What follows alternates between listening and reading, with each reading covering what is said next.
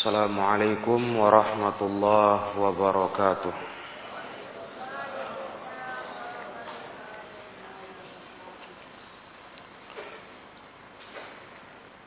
إن الحمد لله نحمده ونستعينه ونستغفره ونعوذ بالله من شرور أنفسنا ومن سيئات أعمالنا من يهده الله فلا مضل له ومن يضلل فلا هادي له أشهد أن لا إله إلا الله وحده لا شريك له وأشهد أن محمدا عبده ورسوله يا أيها الذين آمنوا اتقوا الله حق تقاته ولا تموتن إلا وأنتم مسلمون يا أيها الناس اتقوا ربكم الذي خلقكم من نفس واحدة وخلق منها زوجها وبث منهما رجالا كثيرا ونساء واتقوا الله الذي تساءلون به والأرحام إن الله كان عليكم رقيبا يا أيها الذين آمنوا اتقوا الله وقولوا قولا سديدا يصلح لكم أعمالكم ويغفر لكم ذنوبكم ومن يطع الله ورسوله فقد فاز فوزا عظيما أما بعد فإن أصدق الحديث كتاب الله وخير الهدى هدى محمد صلى الله عليه وسلم وشر الأمور محدثاتها فإن كل محدثة بدعة وكل بدعة ضلالة وكل ضلالة في النار kaum muslimin rahimakumullah berikut ini kita akan membahas pelajaran dari hadis ke-684 kelanjutan Kitabul Buyu' Hadis 684 itu satu pembahasan dengan hadis 685.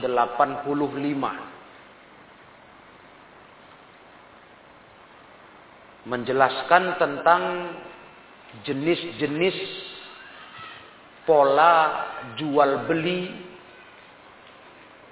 yang dilarang dalam Islam yang dulu di zaman jahiliyah. Di masa belum datangnya Islam sampai Islam datang ke tengah masyarakat pola ini termasuk pola yang biasa mereka lakukan Artinya cara-cara ini yang biasa mereka terapkan dalam muamalah mereka. Sehingga Rasulullah Shallallahu Alaihi Wasallam melihat cara-cara yang tidak benar ini menerangkan hukum Islam agar tidak diulangi atau dilanjutkan prakteknya dalam muamalah setelah Islam datang. Kalau hari ini para ikhwah kita nggak dapati pola ini atau mungkin sudah jarang dilakukan, setidaknya kita tahu bahwasanya cara-cara ini termasuk cara-cara yang terlarang. Metode muamalah yang dilarang dalam agama. Dan juga nanti akan kita lihat hikmah pelarangan itu sehingga kita semakin mantap yakin dengan kebaikan agama kita Islam yang sangat menginginkan hubungan di antara manusia terjalin dengan baik. Tidak dirusakkan dikarenakan urusan muamalah. Para ikhwah rahimakumullah. Kita lihat pola muamalah yang dimaksudkan dalam dua hadis ini. Kita baca keduanya, nanti baru kita lihat syarah ulama tentang masing-masing dari pola metode yang terlarang tersebut.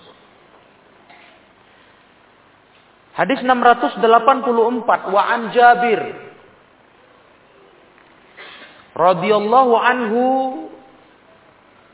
anna an-nabiy sallallahu alaihi wasallam naha 'anil muhaqalati wal muzabanati wal mukhabarati wa 'anit dunya illa an tu'lama. Rawahul khamsah illa ibnu illa ibn Majah wa sahahahu At-Tirmizi. Dari sahabat Jabir semoga Allah meridai beliau bahwasanya Nabi Shallallahu alaihi wasallam telah melarang. Telah melarang berarti pola ini tidak dibenarkan dalam muamalah Islam. Nabi melarang dari muhaqalah. Muhaqalah itu istilahnya. Dan dari muzabanah dan mukhabarah serta as-sunniyah illa an tu'lama kecuali diketahui as-sunniyah itu. Hadis ini dikeluarkan imam yang lima kecuali Ibnu Majah dan disahihkan oleh Imam Tirmizi. Lihat para ikhwah, di sini diterangkan empat jenis muamalah yang dilarang Islam. Ini yang biasa dipakai manusia masa itu. Yang pertama muhaqalah, yang kedua muzabana, yang ketiga mukhabarah, dan yang keempat as-sunniyah.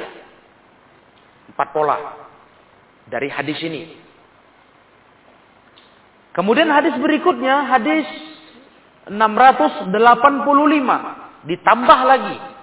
Ada penambahan jenis muamalah yang dilarang itu. Wa an Anasin radhiyallahu anhu dari sahabat Anas. Semoga Allah meridhai beliau.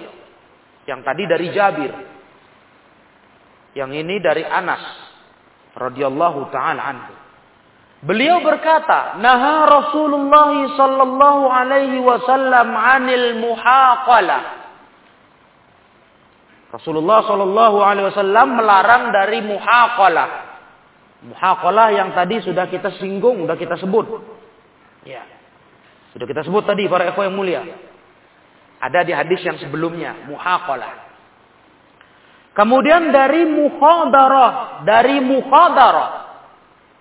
Ini pola yang kelima kalau kita urut dari yang tadi, tadi empat. Ya, kita tambah mukhadarah. Itu yang kelima. Wal mulamasah. Mulamasah yang keenam. Nah, ini dilarang Nabi dari riwayat Anas radhiyallahu taala anhu. Wal munabazah dan yang ketujuh munabazah. Nah, ini yang ketujuh. Wal muzabanah, muzabanah sudah tadi. Maka nggak kita hitung. Sudah disebut di hadis sebelumnya. Kalau begitu para ikhwah rahimakumullah, ada total tujuh jenis pola muamalah yang dilarang Islam. Nabi melarang umat Islam buat cara itu dalam dagang, jual beli. Ya, kalau kita perhatikan tadi tujuh. Empat di hadis pertama, hadis Jabir, riwayat imam yang lima kecuali Ibnu Majah. Ditambah tiga di hadis yang kedua. Walaupun dalam isinya ada lima, tapi yang dua sudah disebut di atas. Berarti tinggal tiga.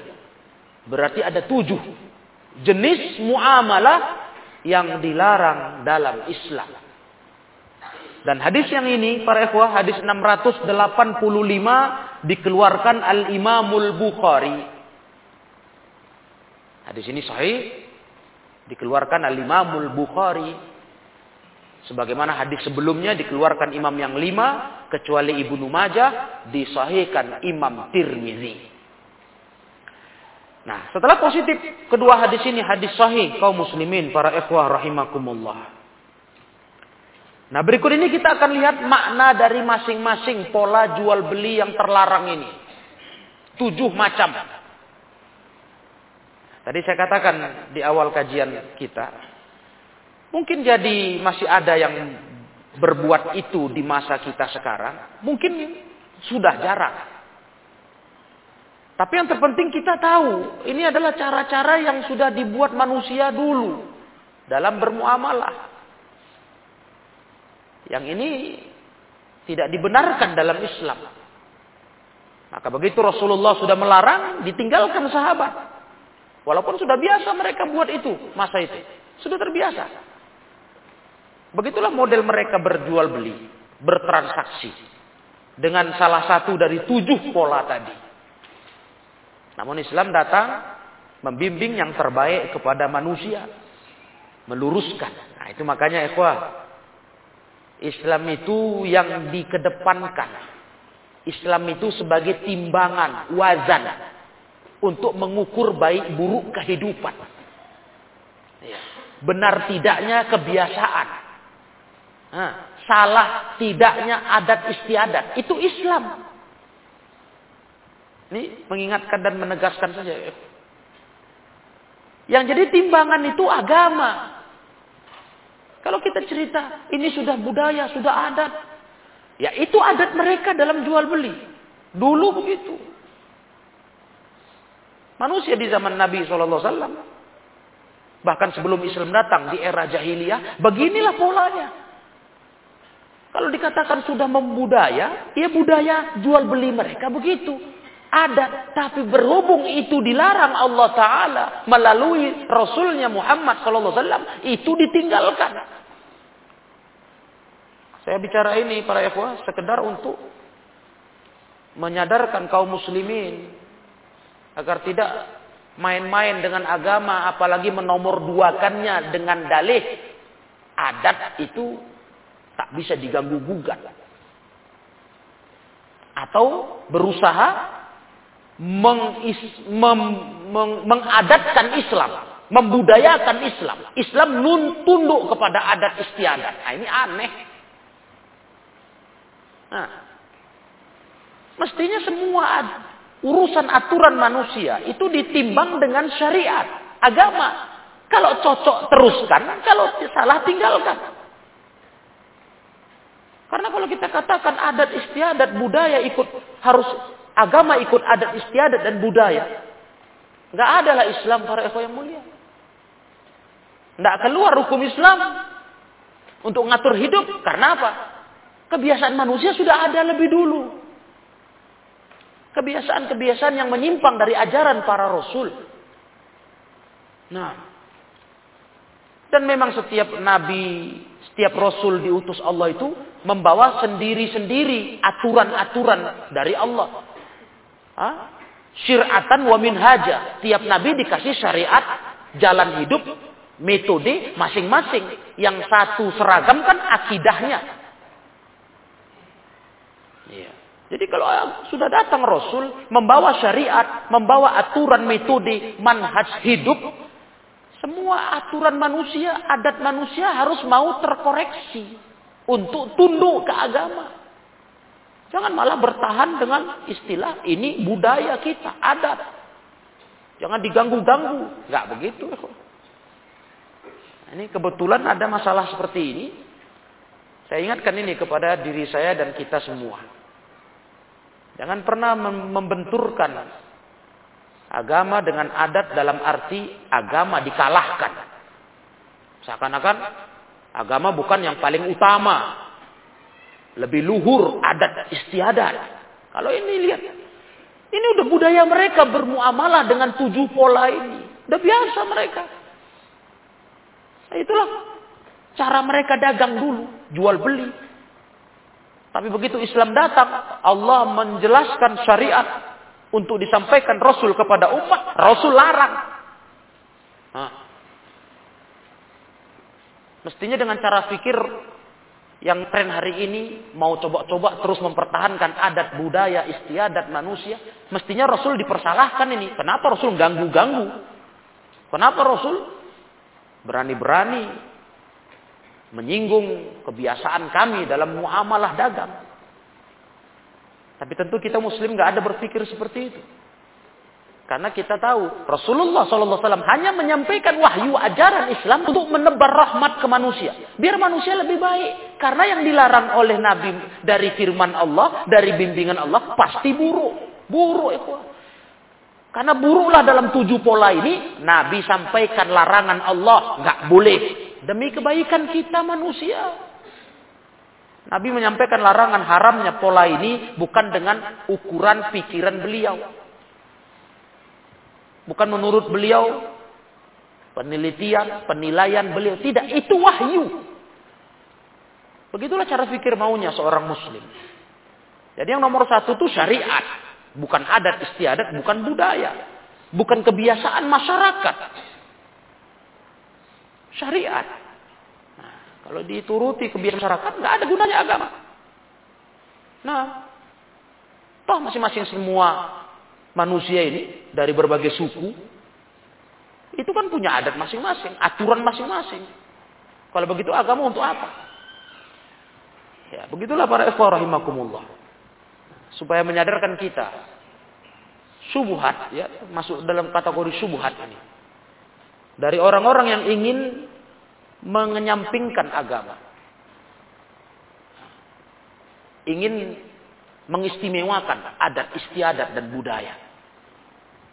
Nah, mereka sampai berani memberikan penilaian. Siapa yang menentang adat istiadat, budaya yang sudah memasyarakat, mengakar, nah, udah nggak cocok tinggal di Indonesia. Tapi seperti itu. Nah, ini kalimat-kalimat yang na'udzubillah ya. Mengerikan sekali. Seakan-akan Islam ini agama yang turun di Arab itu sesuai dengan kepentingan orang Arab saja. Jadi kalau mau betul-betul memurnikan Islam, mau Islam di atas segalanya, jangan di Indonesia. La ilaha illallah. Nah, Indonesia nggak cocok. Indonesia ini punya adat istiadat budaya luhur sebagai bangsa katanya. Hati-hati Ikhwah dengan cakap-cakap begini ini bisa jatuh kepada kekufuran. Kekufuran. Karena ada wujud pengingkaran terhadap syariat Islam. Bisa jatuh kepada kekufuran kalau diteruskan ini. Ini mengingkari syariat Islam yang memang syariat Islam inilah pemimpin di atas segala hukum yang ada. Inilah payung hukum yang sebenarnya untuk hidup manusia. Setelah Nabi diutus Allah, Islam ini yang paling tertinggi harusnya. Semua nurut ke Islam. Apa kata Islam? Begitu. Mau warga Indonesia, mau warga negara mana pun. Bukan mereka tetap bersikukuh dengan adat istiadat, kebiasaan. Karena kalau seperti itu, maka Nabi SAW sudah salah jalan ini. Karena Nabi langsung menyinggung kebiasaan orang Arab. Dalam berdagang dengan pola yang salah. Langsung Nabi larang, ini nggak boleh. Nah, jadi kita lihat para ikhwah masing-masing dari tujuh jenis muamalah terlarang ini. Sekali lagi, ini dilarang agama karena kebaikan. Untuk kebaikan kita. Iya, nggak ada lain. Bukan untuk membuat kita rugi atau membuat kita susah, enggak. Untuk kebaikan. Islam ini kan begitu. Yang baik-baik itu disuruh, yang buruk-buruk dilarang. Sudah lengkap. Kalau ini Islam produk Nabi dalam menyuruh yang baik, melarang yang buruk, kita nggak yakin. Karena Nabi SAW tentu penilaiannya terbatas. Ya, dengan lingkungan saja yang sekitar beliau sajalah. Itulah daya tangkap beliau. Kalau itu dari pribadi beliau. Tapi ini dari Allah yang maha tahu segalanya. Di mana kita ragunya? Ketika Allah menjelaskan ini kebaikan, ikuti, ini keburukan, jauhi. Allah tuh maha tahu. Ilmu Allah tanpa batas. Nah, bagaimana kita ragu? Kalau dilarang pasti buruk. Kan begitu mestinya muslim. Udah namanya dilarang, pasti buruk. Karena Allah yang melarang. Zat yang maha tahu. Bukan Nabi. Bukan Nabi yang memberi hukum ini. Nabi nggak punya wewenang. Jangan lupa, Nabi cuma penyampai. Penyampai agama. Nabi tidak punya wewenang apa pun. Ma'asyirul ikhwah rahimakumullah para jemaah. Nabi cuma penyampai. Al-balagul mubin. Itu Nabi. Jadi bukan produk beliau larangan-larangan seperti ini. Melarang ini, menyuruh ini. Bukan. Nabi cuma menyampaikan dari Allah. Tabaraka wa ta'ala. Kita lihat yang pertama. Yang pertama Nabi SAW melarang dari muhaqalah. Muhaqalah diambil dari kata al-haqal. Haqal itu maknanya ladang. Kebun. Itu asal kata muhaqalah. Nah, Maksudnya apa para ikhwah? Dilarang du, e, melakukan jual beli dengan muhakola, yakni diterangkan oleh ulama, yang dilarang jual beli dengan muhakola adalah menjual biji-bijian yabi al-haq al-mustad fi sumbulihi, menjual biji-bijian seperti gandum padi lainnya, ya, yang sudah matang tapi masih di tangkainya, belum dipanen, dijual dengan biji-bijian yang sejenisnya. Jadi ada kayak barter begitu. Cuma yang satu jenis barangnya masih di di ladang, belum dipanen, masih di pohonnya. Gandum, padi. Nah. Sudah ada terjadi transaksi tukar barter jual belinya dengan cara itu dengan yang sudah sejenis tapi yang sudah jadi, sudah di dikarungi misalnya begitu. Nah, lah ini para ekor yang mulia, ini kan bentuk muamalah yang nggak jelas ini. Karena yang masih di tangkainya, masih di tanah, masih di pohonnya, kayak padi, kan belum tahu berapa nilainya, berapa kadarnya ini kalau dipanen. Kan belum tahu. Sedangkan alat tukarnya dengan sesuatu yang sudah jelas. Jadi di sini ada unsur apa? Seperti unsur maisirnya, spekulasi. Dulu biasa begitu para ikhwah. Mereka dulu begitu. Hah? Sekian gandum saya. Nah, ini, ini untuk bayari kebun gandummu ini. Belum panen, cuma udah matang. Ini kan ada ketidakjelasan para ikhwan. Ini sebanding tidak ini antara gandum yang sudah jadi ini yang sudah dipanen, dikarungi dengan yang masih pohon. Belum dipanen. Bagaimana?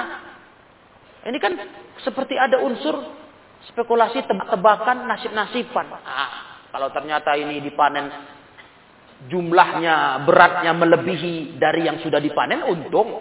Kalau enggak rugi. Nah, ini bisa menimbulkan rusaknya hati. Nah, itu makna muhaqalah yang dilarang dalam Islam. jadi perkara orang sekarang mungkin nggak buat lagi. Setidaknya kita tahu betapa Islam menyayangi manusia. Biar baik hubungan mereka. Karena Ikhwanifidin yang mulia. Salah satu akhlakul karimah yang Nabi junjung tinggi. Nabi tanamkan kepada umat Islam ini adalah prinsip untuk selamatnya hati ke manusia lainnya. Ini akan membuat rusaknya hati. Ya. Setelah, setelah, setelah transaksi itu. Tahu-tahu dipanen ini rupanya hasilnya nggak sesuai harapan. Wah, terasa nggak enak hati. Terasa rugi ganjal. Karena nggak ada kejelasan. Kalau jelas kan enak kayak kita belanja, jelas berapa kita bayari, berapa barangnya, timbangannya jelas, kan enak. Nah, ada cerita lain di belakang itu, ya sudah nggak ada urusan, sudah karena udah plong kita, udah mantap nggak ada unsur ketidakjelasan, udah jelas. Seperti kita transaksi muamalah kan jelas. Sekian kilo kita bayari, jelas. Perkara nanti setelah sekian kilo kita bayar, rupanya barangnya ada yang busuk atau agak busuk. Nah, itu nggak ada masalah. Tapi secara hitungan pembayaran berapa kadarnya kita sudah jelas. Enak hati. Nggak ada ganjalan, nggak ada lain-lainnya. Nah itu mau Islam. Sayang Islam kepada umat manusia. Pola muhakolah ini tak baik. Nah ini yang pertama. Nah Kemudian ikhwan yang dirahmati Allah. Yang kedua al-muzabana. Al-muzabana. Muzabana itu diterangkan para ulama secara syariat pengertiannya. Syira'ur rutabi fi ru'usin nakhli bitamri. Menjual kurma yang basah. Kurma basah. Masih di pohon kurmanya. Kurma ini belum dipanen. Muzabanah itu itu dia. Kurmanya masih di pohon, masih basah.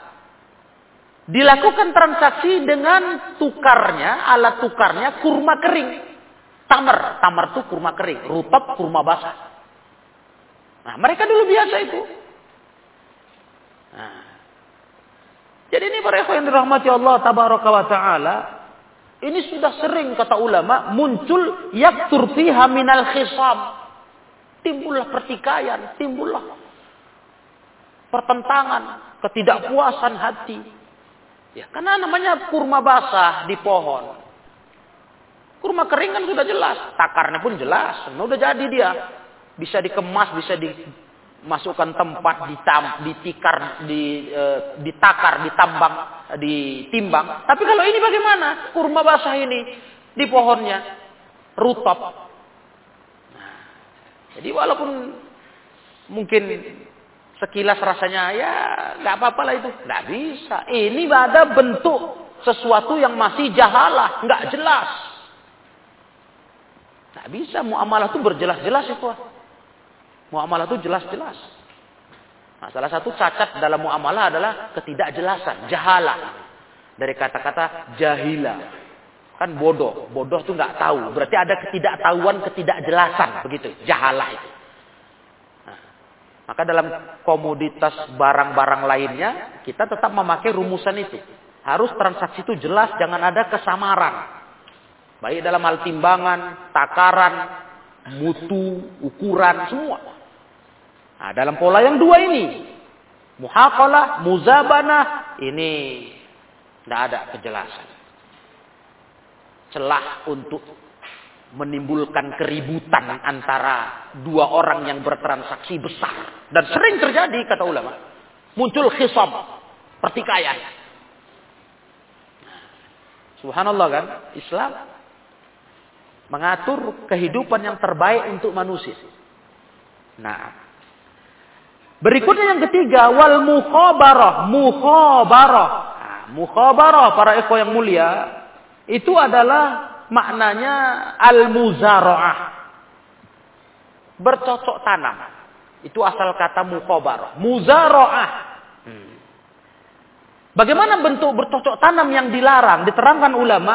Yaitu ayyu'tiya rabbul ardi ardahu lil muzari. Ada orang punya tanah. Tanah ini dia berikan sebagai sewa dengan disewakannya kepada si petani yang mau bercocok tanam. Hmm. Ya, pokoknya olahlah ini ya, dengan si petani ini. Tetapi para yang dirahmati Allah, dalam transaksi itu ada kesepakatan. Ada kesepakatan. Nanti sekian persen dari hasilmu ini pun harus kau bagi ke saya, kata si pemilik tanah. Nah, harus kau bagi ke saya. Ini pola pertama. Dia syaratkan begitu. Nah, dari hasil tanamanmu nanti saya minta setengah sekian persen. Disebutkan. Atau dia berikan jadwal. Jadawil. Ya, dia berikan waktu. Pokoknya ini tanah. Sampai sekian waktu. Nah, berhasil tidaknya kau bertani. Saya ambil. Pokoknya urusan kontrak putus. Nah, coba itu. Itu mukhabarah di zaman dulu, jahiliyah. Nah, ini kan bisa timbul pertikaian. Iya. Beda kalau kita pola sewakan ini atau kasihkan pakai, sepakat, dipinjamkan. Sudah orang ngelola, selesai. Nggak ada sangkut paut dengan kita yang memberi sewa dan pinjaman. Tapi kalau dulu dulu jahiliyah mereka enggak, mereka buat ketentuan-ketentuan. Apalagi yang terkait dengan waktu.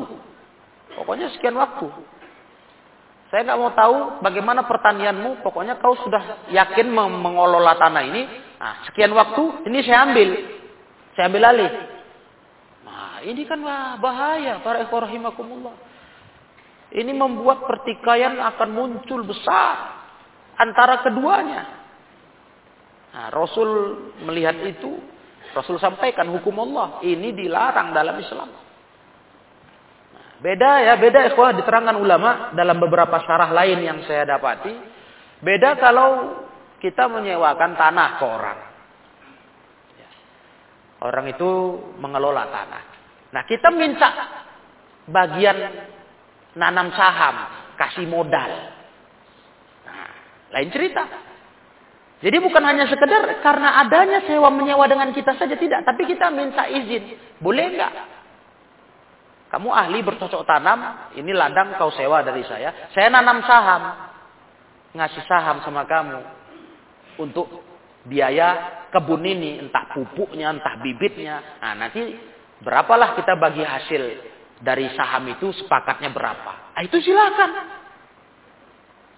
Tidak ada masalah itu. Sama kayak kita dalam urusan muamalah dagang. Ah, kayak kita naruh saham, di, dikelola orang, dijalani orang, usaha itu. Nah, ada kejelasannya bagaimana bagaimana untung ruginya. Tidak masalah. Nah, itu yang terangkan ulama. Kalau itu ada akad yang memang sudah lurus dia, arahnya jelas. Tapi kalau pola mukhabarah jahiliyah dulu, tak jelas. Nah ini yang bahaya, ma'asyurul yang mulia. Ini termasuk yang dilarang dalam Islam. Nah, jadi Islam itu maunya kita berjelas-jelas muamalah, enak. Itu intinya. Mulai dari yang tadi muhaqalah, mukhabarah, ya. Kita lihat, nah, Islam ternyata menginginkan apa? Kejelasan muamalah. Kalau yang samar-samar nggak jelas, spekulasi nggak mau Islam. Nggak betul itu. Nggak boleh seperti itu mestinya. jadi muamalah itu enak kok, selesai tuntas. Tidak ada urusan lagi ganjalan-ganjalan hati antara kita. Hanya urusan dunia ini saja. Luar biasanya Islam ini rahmatan lil alamin. Nah begitu para ikhwan fillah yang mulia, yang keempat, wa anis sunya illa an tu'lam. Nah, as-sunya diterangkan ulama itu maknanya pengecualian, istisna, pengecualian. Pengecualian yang bagaimana yang dilarang dalam jual beli. Misalnya ada seseorang, ini saya jual tanah saya ini.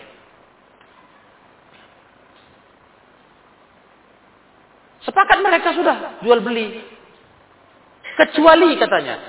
Kecuali yang tak saya jual ada sekian meter. Tanpa ada kejelasan yang mana itu tempatnya, posisinya. Pokoknya ada sekian meter nggak saya jual.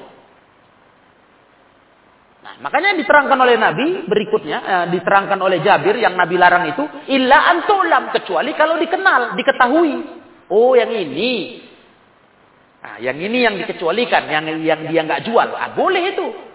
Antulam diketahui. Tapi kalau nggak diketahui, pokoknya ini tanah saya jual sama kamu kecuali sekian meter. Ya, bagaimana ini Pak Mau malah apa?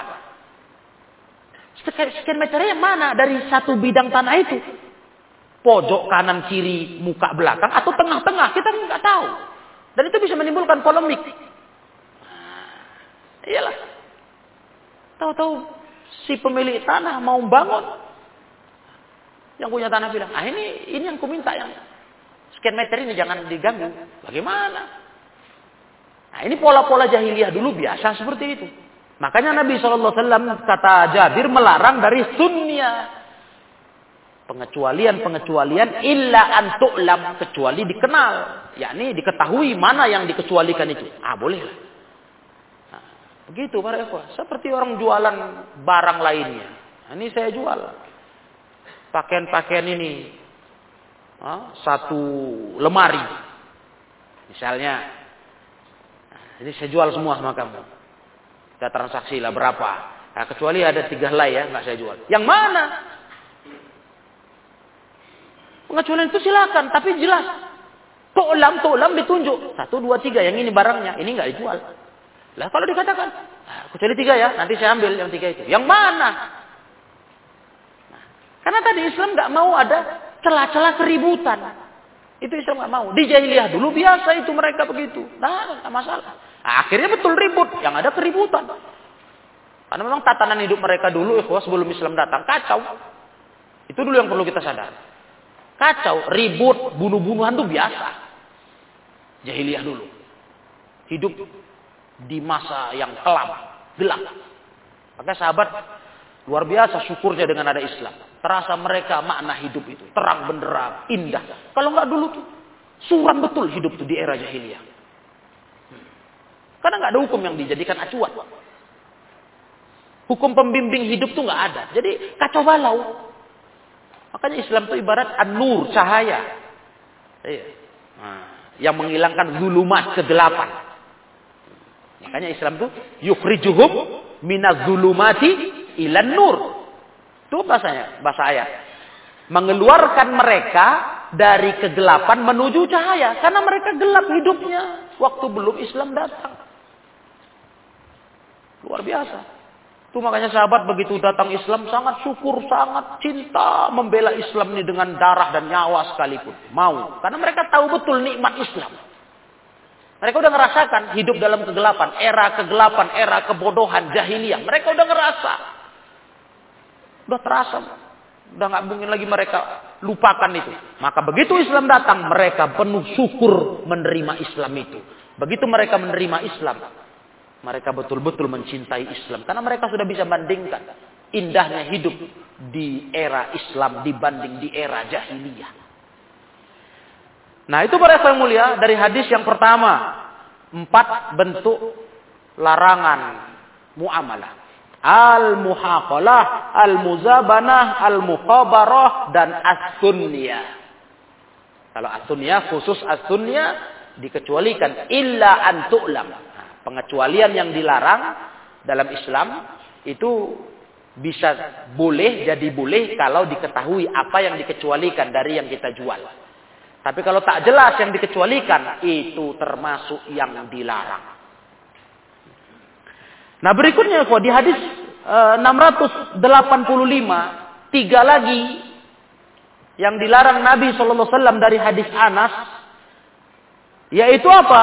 Al-muhadarah. Al-muhadarah. Ini yang yang kelima. Muhadarah. Apa makna mukhadarah para ikhwah? Pola kelima yang dilarang ini apa? Diterangkan ulama, yang dimaksud dengan mukhadarah itu bai'ul hubub wasimar qabla budui solahiha. Mukhadarah itu adalah menjual belikan biji-bijian dan buah-buahan, biji-bijian dan buah-buahan sebelum jelas layak panen, layak petik, solah. Jadi belum pasti masak gitu. Belum pasti layak panen. Kalau buah kan layak petik. Memang sudah sudah berbentuk buah, sudah. Ya, bukan masih pentil bunga kalau itu jelas sekali sudah larangannya. Nah, tapi ini sudah jadi buah, nampak buah. Cuman memastikan dia layak panen belum bisa. Belum nampak. Budui solahiha. Budu itu nampak. Jelas sudah solah, sudah layak panen, layak petik. Nah, kalau biji-bijian panen. Nah, kalau buah petik. Nah, itu mukhadar. Hmm. Nah, jadi ikhwanifidin rahimakumullah Ketika seseorang membeli hasil uh, tanaman ladang, tanaman, biji-bijian, buah-buahan, dia sudah berani beli di pohonnya, ya, sudah jelas memang buah itu ada, tapi belum pasti itu matang, belum pasti bisa dipetik, masih ada nunggu waktu. Hmm. Ya. Ini para ikhwah. Ini salah satu muamalah yang rawan menimbulkan eh, gesekan antara penjual dengan pembeli. Tapi yang dilarang itu diterangkan ulama biduni syartil qat'i fil hal. Nah, tanpa ada syarat memutuskan di waktu itu transaksinya. Artinya masih digantung. Digantung. Jadi misalnya kalau istilah kita sekarang muamalah yang masih nampak pola ini, ini sudah di bookingnya. Ada dikasih tanda jadi. Ini dibedakan oleh ulama kalau memang sudah dibayar kontan di tempat buah yang belum nampak siap panen tuh dan sudah sudah dia memang mau ambil walaupun belum nampak mateng, nah, itu lain cerita. Eh silahkan aja. Iya. Pokoknya ini saya borong semua satu pohon. Umpamanya seorang eh, pedagang buah-buahan seperti misalnya alpukat. Udah jelas buah-buahnya nampak nyata. Cuma ya belumlah masak yang layak makan. Tapi si pembeli bilang kepada yang punya pohon ini, ah, pokoknya saya bayar semua, saya rontokkan ini. Udah putus, clear, jadi. Silakan kalau itu. Iya. Dan memang memang begitu pula resiko mereka. Mereka rontokkan semua itu nantilah dia lah ngolah itu memilah-milahnya yang tua atau yang memang cepat masa atau yang lama itu urusan dia. Tapi yang dilarang ini dia sudah booking itu, nah, belum ada kepastiannya, yang itu akan menimbulkan apa? Kalau ternyata nanti ada resiko buah itu rusak seperti entah kena serangan sesuatu dari hama atau mungkin ada bencana alam, bagaimana? Karena belum putus di awal, masih dia gantung. Nah, ini nggak boleh dalam Islam. Itu masuk dalam kategori mukhadharah. Nah, ini yang pola ini masih nampak dibuat masyarakat kita, masih nampak. Ya, kalau istilah beberapa daerah saya lihat, beberapa tempat yang model-model begini istilahnya membajak. Dia bajak uh, buah di pohon-pohon yang ada di masyarakat. Tapi pola pola transaksinya saya nggak tahu itu. Bagaimana? Apakah sudah mereka lunasi semua atau bagaimana? Wallahu alam. Tapi bentuk model begini ini, ini harus diperjelas dulu. Kalau model yang masih digantung tadi, ini yang bahaya. Ini yang dilarang Nabi. Bisa menimbulkan selisih nanti. Selisih paham. Tapi kalau diputuskan, sudah positif, dia ambil apa pun resikonya, terserah. Makanya dikata, dikata, dikasih ulama syarat, biduni syartil qat'i fil hal. Yang dilarang itu tanpa ada syarat untuk memutuskan di waktu itu juga. Nah, nggak ada pakai keputusan eh, begini. Sudah, ini pokoknya Sepakat kita, ini saya nanggung semua. Ah, itu silakan. Tapi nggak ada syarat itu, itu yang dilarang. Nggak dia kasih keputusan bagaimana tentang masalah buah tersebut atau hasil tanaman tersebut. Ini nggak boleh. Ada samar-samarnya ini yang nggak boleh. Jadi kalau berjelas-jelas seperti orang yang suka membajak begitu, membajak uh, hasil kebun itu, udah jelas ya silahkan saja. Udah dia booking sekian satu kampung tuh kebun-kebun tanaman orang. Udah, dia yang akan manennya itu nurunkannya semua. Dia resiko dia bayar. Eh, silakan kalau jelas. Tapi kalau masih gantung nggak jelas ini yang dilarang. Nah, tentu timbul beda persepsi nanti ya, Ditambah tahu-tahu hasil buahnya rupanya tidak sesuai harapan atau ada masalah gangguan atau ada bencana. Bagaimana ini? Nah, itulah makanya ikhwanifidin Islam itu menginginkan kita berjelas-jelas. Terang-terang, enak. Menghindari kemungkinan-kemungkinan syaitan masuk ke celah-celah hati kita untuk merusak hubungan. Itulah indahnya Islam. Memperhatikan segala sendi kehidupan masyarakat mengurus seluruh kehidupan dengan sebaik-baiknya. Kemudian yang keenam, Nabi melarang dari al-mulamasah. Al-mulamasah. Ini sistem jual beli. Seorang penjual berkata kepada pembeli, kalau kau sentuh pakaian ini, nah, kau sentuh pakaian ini, nah ini sah. Sudah jadilah kau bayari. Mana pun yang terpegang kau. Tanpa si pembeli mengetahui bagaimana uh, kondisi pakaian itu sebenarnya. Hanya karena sudah dia sentuh, ah, dia bisa beli. Sedangkan dia nggak tahu persis bagaimana ini pakaian cacatkah, baguskah, nggak tahu.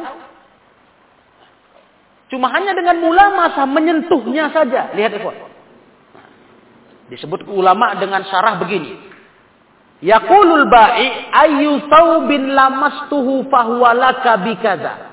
Mana pun pakaian yang kupegang, kau boleh ambil pakaian itu sekian harganya.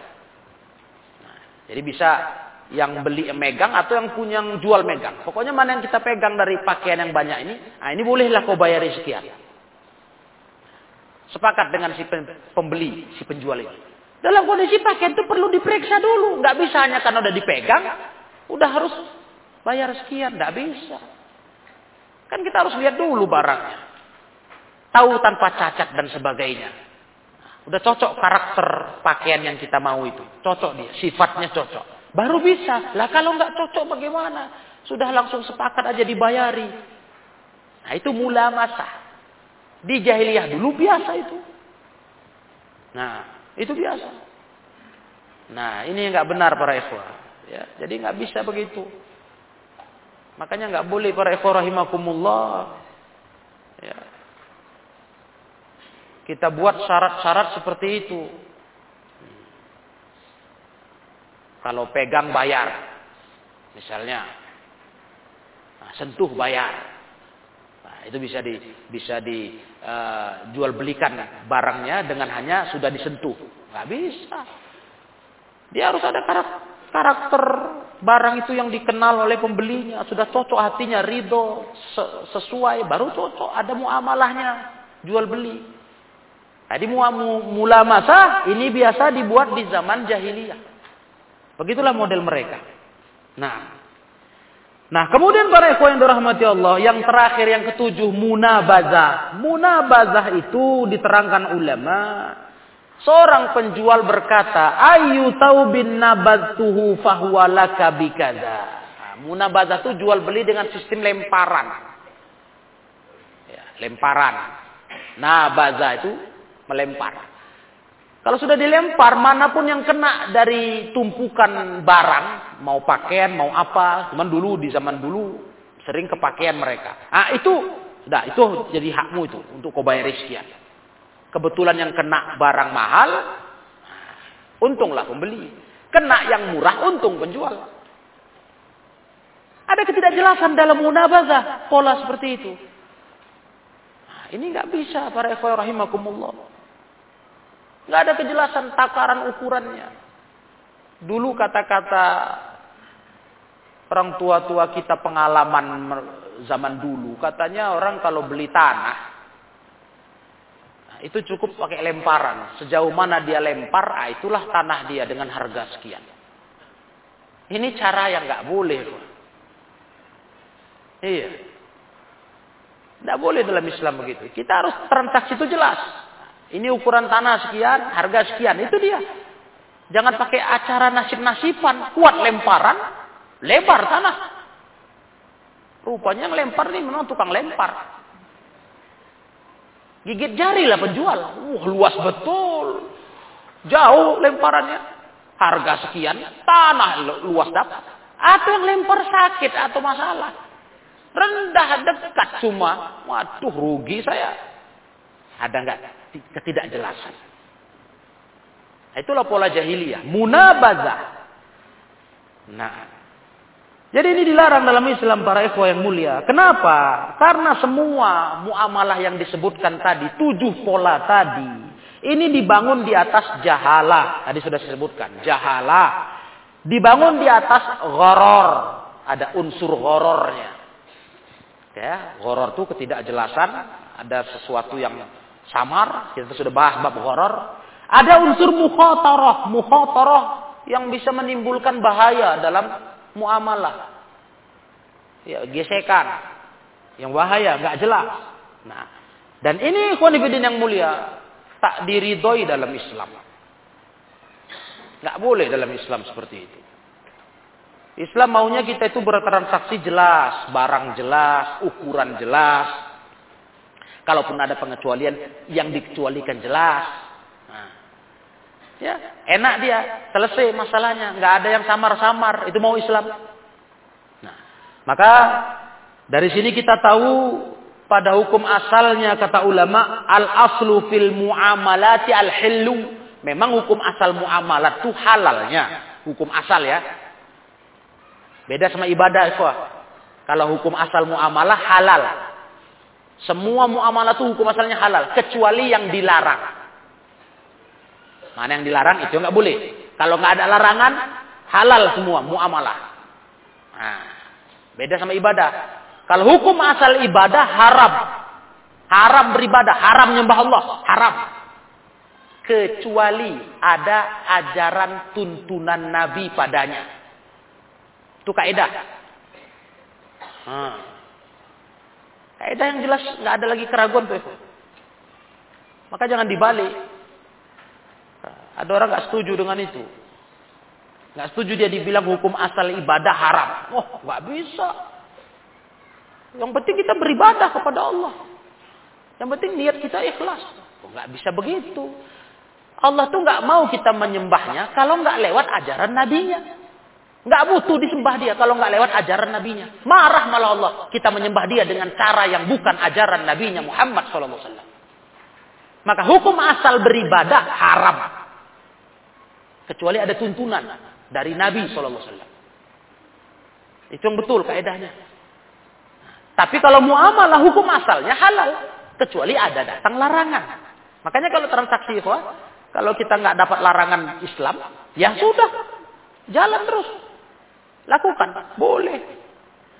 Tapi begitu ada larangan Islam kita dapat, berhenti.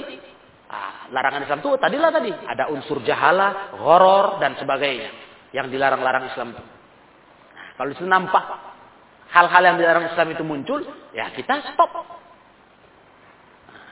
Stop. Begitu kita tahu, atau udah kita tanya kepada ahli ilmu, kepada para ulama, nah ini muamalah yang nggak beres ini. Ada jahalah, ada penipuan, ada ketidakjelasan, ada horor, ada riba. Ah, mundur kita. Nggak boleh.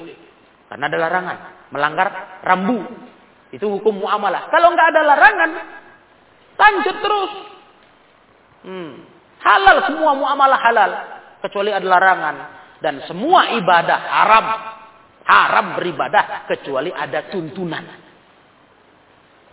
Karena kalau beribadah nggak pakai tuntunan, walaupun ikhlas niat kita lurus betul, tulus betul untuk Allah, ditolak kalau nggak ada ajarannya.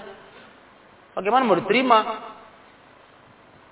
Kita menyembah Allah dengan cara kita, dengan menurut kita. Bagaimana Allah senang disembah kalau nggak cocok dengan cara nabinya? Allah utus nabinya supaya menjelaskan kepada umat ini bagaimana cara menyembahnya, cara menuhankannya, ini jelas semua. Ini kaidah yang nggak ada keraguan lagi dalam Islam. Allah nggak mau disembah kecuali dengan cara nabinya. Itu gunanya Allah utus Nabi Muhammad SAW. Biar ngajari manusia ini. Begini loh cara nyembah Allah. Begini, lihat aku kata Nabi. Maka Nabi berkata, Sallu kama ra'aitumuni usolli. Makanya kalian solat kata Nabi, kayak kalian tengok aku solat. Bukan solat suka hati kalian. Bukan begitu. Pokoknya sholat aja kalian. Hati kalian. Enggak gitu. Tengok aku sholat kata Nabi. Karena kalau nggak tengok Nabi sholat, sholat kita nggak diterima Allah. Mau tulus kayak mana pun. Itu kalau ibadah. Ya, insya Allah ini jelas itu. Itu prinsip kita di jalan sunnah ini. Soal ibadah nggak bisa tidak harus ikut Nabi SAW. Nggak ada Nabi buat tak baik. Udah putus itu final itu, nggak ada lagi ragu-ragu. Hmm. Nggak ada tuntunan Nabi, tak baik. Karena kalau dibuat ditolak. Kalau atas nama agama ya, kecuali dunia, nggak ada ajar Nabi nggak apa-apa. Urusan dunia. Nah, Nabi nggak nggak patokkan, nggak ikat kita harus ikut beliau dalam dunia. Nah, Kalian lebih tahu dunia kalian. Tapi agama, maaf. Kita beragama nggak pakai cara Nabi, ditolak. Bukan hanya ditolak, malah disesatkan Nabi. Ditolak hadisnya sudah tahu kita. Man amila amalan laisa alaihi amruna fahuwa raddun. Siapa beramal nggak ada amalan kami sebagai tuntunannya, panutannya, maka amalnya ditolak. Ditolak bahkan difonis sesat. Beramal malah bisa masuk neraka untuk apa? Fonis hadis yang terkenal. Kullu muhdatsatin bid'ah wa kullu bid'atin dolalah wa kullu dolalatin finnar. Nabi yang bilang semua bukan kita. Semua yang baru-baru, baru di agama ya, bukan di dunia. Itu namanya muhdatsah bid'ah, itu bid'ah. Nabi yang bilang. Semua bid'ah sesat. Kullu bid'atin dolalah. Dan kalau sudah sesat, wa kullu dolalatin finnar. Apalagi? Kenapa orang marah, orang nggak cocok, kita hanya mau ke sunnah. Orang bilang kaku kau. Kau nggak ada toleransinya beragama. Loh, enggak lah. Ini standar beragama, ini nggak ada. Keras nggak nentusin, enggak. Memang itulah beragama. Dan itu yang enak kan? Karena itu aturannya. Sholat ya kayak Nabi aja. Masa salah sholat kayak Nabi aja? Ya, ini insya jelas bahwa nah, masalah muamalah hukum asalnya halal. Kalau ibadah baru hukum asalnya haram. Iya, jadi demikianlah ma'asyiral ikhwah rahimakumullah. Dua hadis ini menjelaskan menerangkan pola-pola muamalah di zaman jahiliyah dulu yang Nabi larang. Maka setelah datang larangan Nabi ini, sahabat meninggalkannya. Tak boleh lagi. Ya. Kita pun umat Islam meninggalkannya harus. Karena semua yang dilarang dalam agama kita, dilarang syariat Islam ini pasti buruk dalam kehidupan kita. Walaupun mungkin ada mungkin kita berpikir ah, baiklah, baguslah, ah, nggak bisa. Karena yang melarang bukan Nabi, larangan datangnya dari Allah Taala Zat yang maha tahu segalanya. Toyib. Demikianlah kita cukupkan. Wallahu a'lam bissawab. Wa akhiru da'wana anil hamdulillahi rabbil alamin.